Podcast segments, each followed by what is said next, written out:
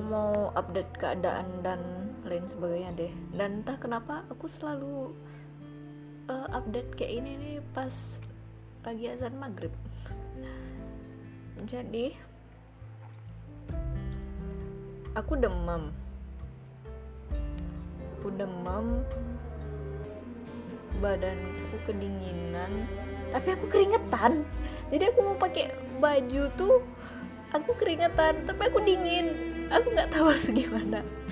Tapi aku lebih milih buka baju sih soalnya ya keringetan basah cuy.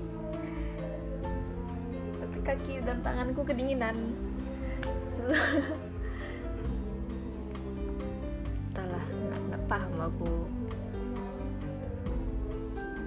udah tahu bakal kejadian yang kayak ini. Nggak mungkin nggak mungkin doh aku bisa pergi ke ke Belitung doh nggak percaya aku doh dari dulu dari dulu kayak gitu. Mau ke Bandung lah mau ke mana lah. Nggak nggak, pernah ada yang bisa doh nggak tahu gue doh kayak you you don't deserve that. You you just stay here stay here. Nggak boleh ke mana-mana. Sini aja aku nggak boleh ke mana-mana. Nggak paham aku. Kayak kayak kutukan Ferdinand Laras itu sumbar.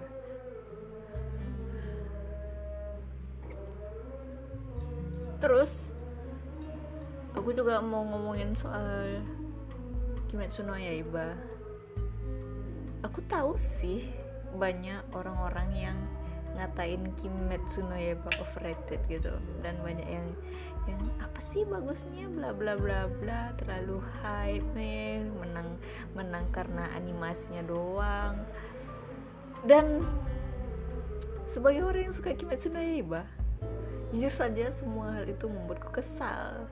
Meski ya kayak gimana ya kalian tuh sebetulnya iri atau gimana ya? Soalnya kalau memang bukan selera dia dia ya bakal cool aja bakal santai aja kalau Kimetsu no Yaiba hype gitu kan banyak yang suka.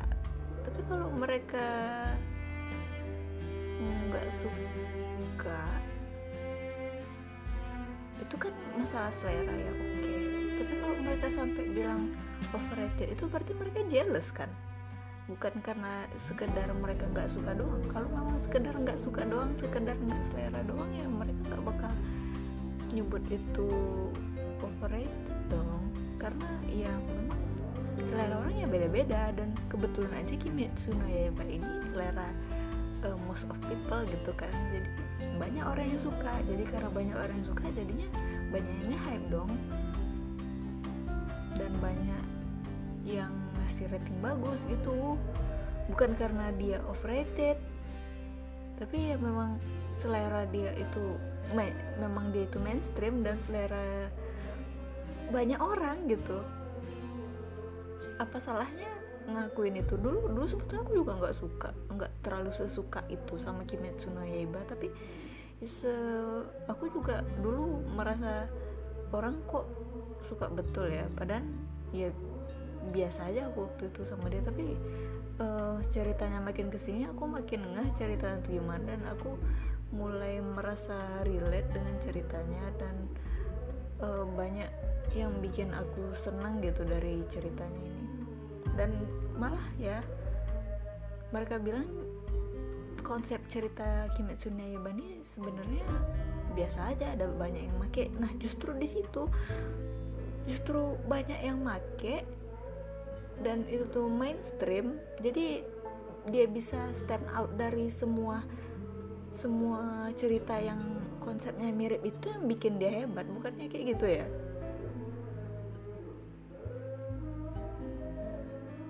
Ya gimana ya? Kok dibilang animasinya mendukung? Emangnya cuman gara-gara itu gitu maksudnya?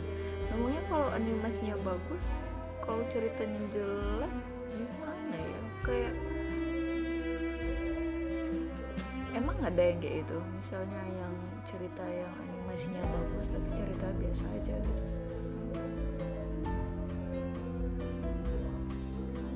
Dan dia jadi populer gitu. Atau kalian mau nyebut itu ke Kimetsu no Yaiba? Kalau gitu yang mana yang menurut kalian animasinya bagus terus ceritanya juga bagus paham sih aku. Ya tapi kalau memang bukan selera mereka ya udah gitu. Aku paham kok. Banyak yang yang nggak mau nerima selera orang lain kayak itu tapi ya nggak usah jatuhin juga. Maksud aku ya wes gitu loh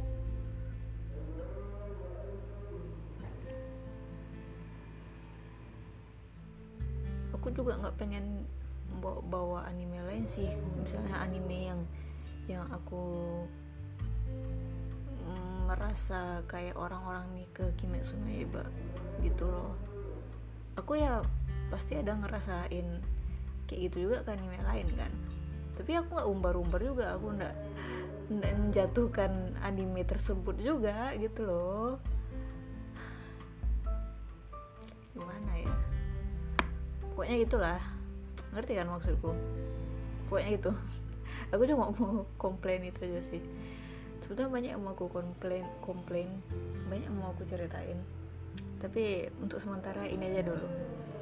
Uh, curhat 7 menit bersama saya.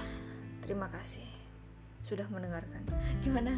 Tak ada yang mendengarkan sih tapi aku tuh lebih suka curhat kayak gini daripada curhat diskusi sama orang. Kalau aku curhat diskusi sama orang tuh kadang pendapat orang tuh beda sama kita dan uh, mau tidak mau kita jadi fight dia kan gitu. Kayak kayak kita pasti ada promo kontranya ke dia kan. Dan dia pasti berusaha menyanggah omongan kita juga kan dan kita pasti berusaha menyanggah omongan dia. Dan itu kadang bikin blunder gitu loh menurutku. Dan aku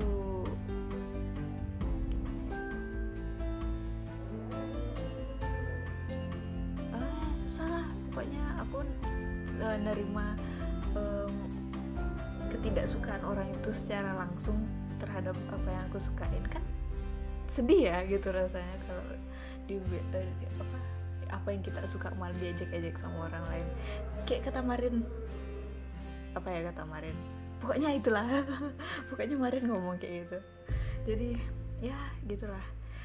Uh, sekian dan terima kasih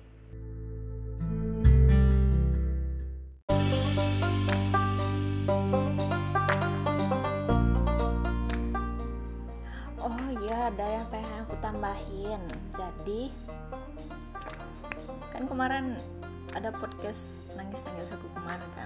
Aku ngomongin soal Erda temenku yang juga mengalami nasib yang sama kayak aku.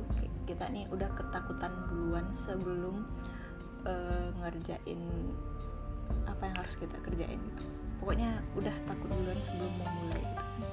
Pokoknya aku merasa relate sama dia makanya oh, kemarin tuh aku sedih banget gitu karena uh, aku tahu rasanya gimana uh, sendirian nggak hmm, ada yang bisa dimintain tolong.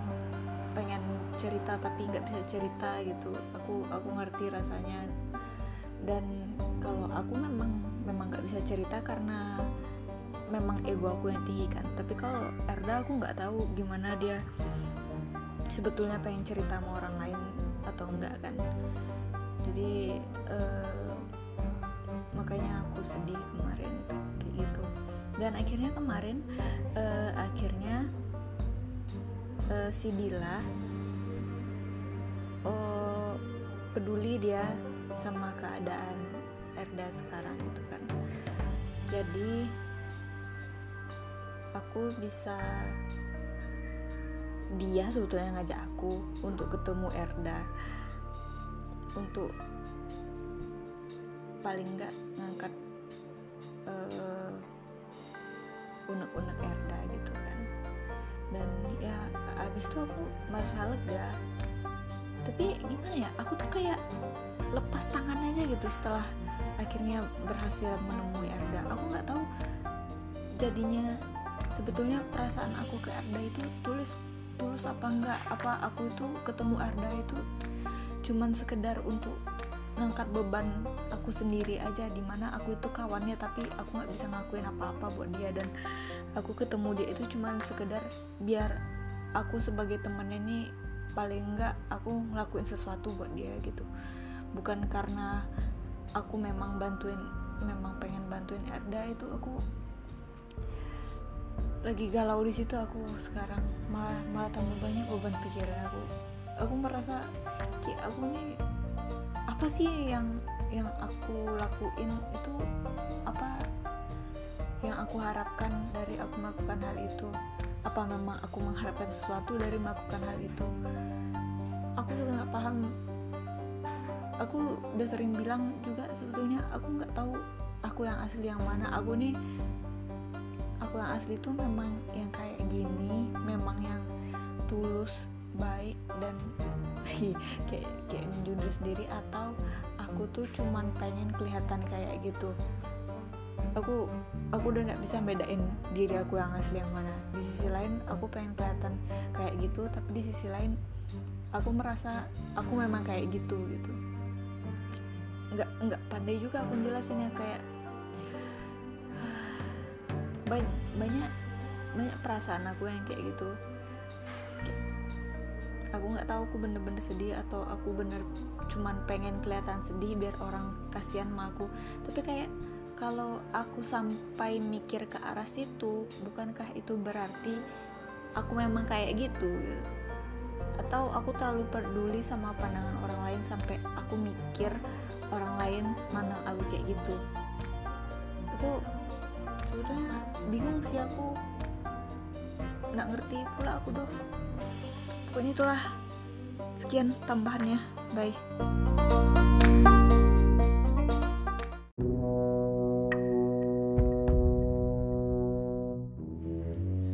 Terus aku juga menemukan suatu fakta yang benar-benar sangat mind blowing dari internet barusan, tepatnya dari YouTube, tepatnya dari channel Rumah Editor. Jadi, sesuatu yang nyata itu bisa dibilang tidak benar-benar nyata.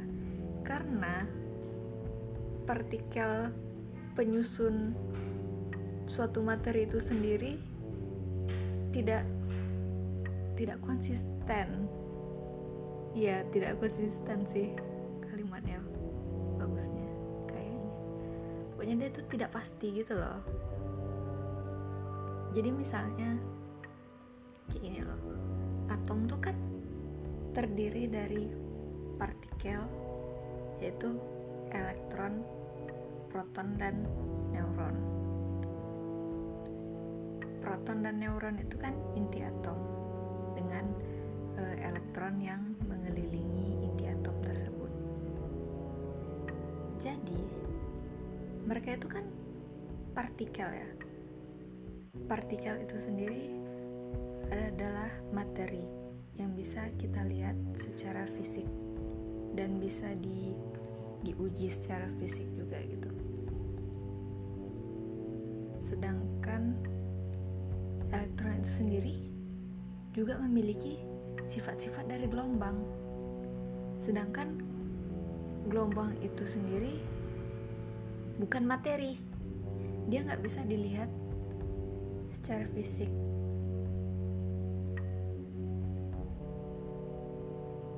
Jadi dilakukan percobaan untuk menguji apakah cahaya atau foton dan elektron itu termasuk partikel atau gelombang kan.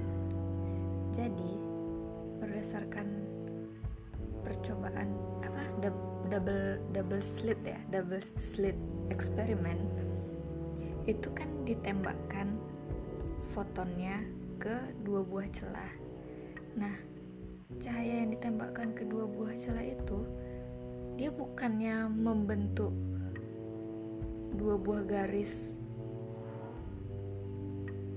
kayak dua buah celahnya itu, tapi dia membentuk pola interferensi. Pola interferensi itu berupa garis-garis yang banyak itulah kayak misalnya kalau gelombang air ada riaknya gitu kan terus ditambah satu gelombang lagi tuh kan jadinya kayak kayak apa ya gimana cara jelasinnya kalau nggak bisa digambar gini? Pokoknya itulah pokoknya terbentuk pola interferensi kalau misalnya foton itu ditembakkan ke uh, dua celah tersebut gitu kan. Itu membuktikan kalau cahaya itu termasuk gelombang. Sebetulnya aku masih nggak ngerti kenapa foton sama elektron jadi sama gitu tapi mungkin kalau nggak salah foton itu menghasilkan elektron. Jadi hitungannya mereka sama. Aku juga nggak ngerti loh aku nggak paham loh tapi tapi yang bikin aku main blowing itu bagian yang jadi untuk mengetahui kenapa mereka bisa bikin pola interferensi dipasanglah detektor buat mengamati bagaimana uh, foton-foton ini bisa membentuk pola tersebut kan. Seolah-olah sedangkan pola tersebut itu bisa terbentuk kalau sumber fotonnya ada dua sedangkan sumber fotonnya cuma satu kan makanya dilihat pakai detektor itu gimana caranya si foton ini bisa kebelah jadi dua terus berintervensi dengan dirinya sendiri sehingga membentuk pola tersebut. Nah setelah diletakkan detektor ini, pola interferensinya hilang. Masa bisa gitu loh? Kayak what? Kok dia bisa mengubah dirinya sendiri gitu? Terus dia berubah jadi kayak partikel lagi gitu. Jadi fotonnya setelah dikasih detektor dia langsung nggak bikin pola intervensi tapi dia bikin dua garis kayak dia memang cuman ngelewatin dua celah gitu doang itu kayak ih gimana ya? Kok bisa? Gitu loh. Kok kok mereka mereka bisa berubah gitu dari gelombang jadi partikel gitu? Kayak what? Kayak itu tuh itu tuh itu tuh foton loh. Itu tuh atom itu tuh materi nggak bisa dibilang materi juga sih. Pokoknya dia tuh kayak ih aku nggak ngerti juga cara jelasnya tapi kan dari mana dia ngerti dia itu ada detektor di situ dia harus berubah jadi partikel gitu. Sebelumnya dia gelombang setelah ditaruh. Itu dia bisa jadi partikel seolah dia tuh ngerti kalau dia tuh lagi diamatin dan dia merubah materi di badannya sendiri. Kayak kayak serem gak sih? Dan itu tuh elektron itu tuh penyusun atom loh. Penyusun atom atom tuh yang nyusun kita loh. Serem gak sih? Kalau ternyata badan kita tuh kayak gitu. Dan seluruh dunia ini kayak gitu. Kayak mereka punya pemikiran mereka sendiri. Oh aku takut sendiri tiba-tiba. Serem. Aku udah pintar jelasnya tapi ya gitulah.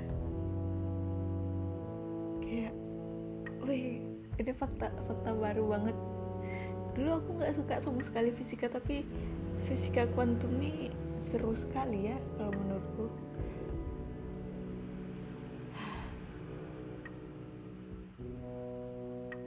Ilmu pengetahuan tuh serem.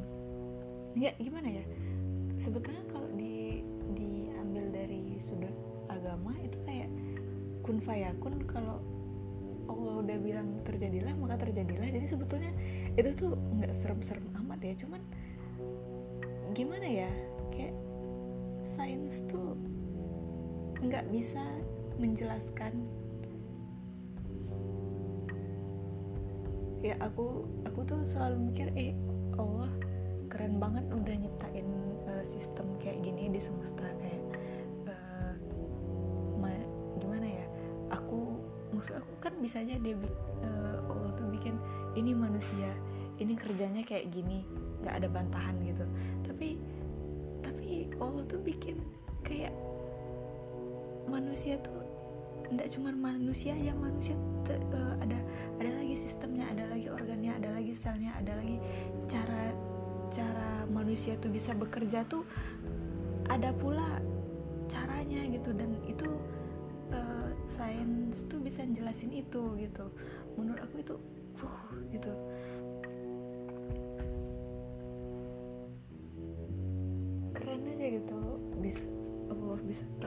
ciptain sesuatu itu nggak nggak kayak asal jadi gitu. Ya kayak kita kan bikin perabotan gitu misalnya uh, kayu kita kita kita paku gitu kan.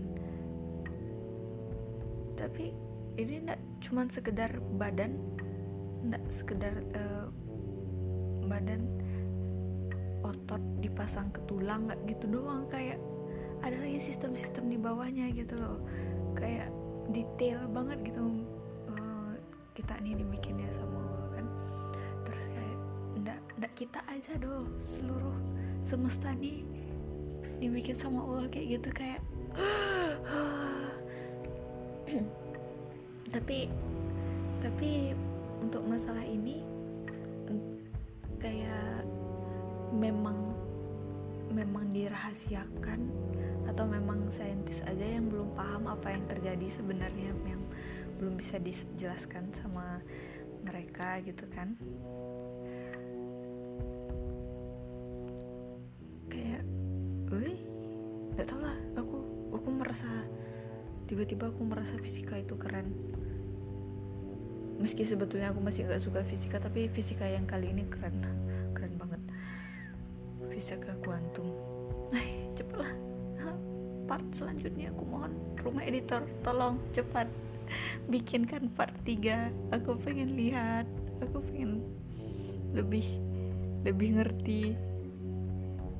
Kayak gimana ya semakin ngerti itu kita semakin wah Allah Allah keren banget gitu apa menciptakan semua ini gitu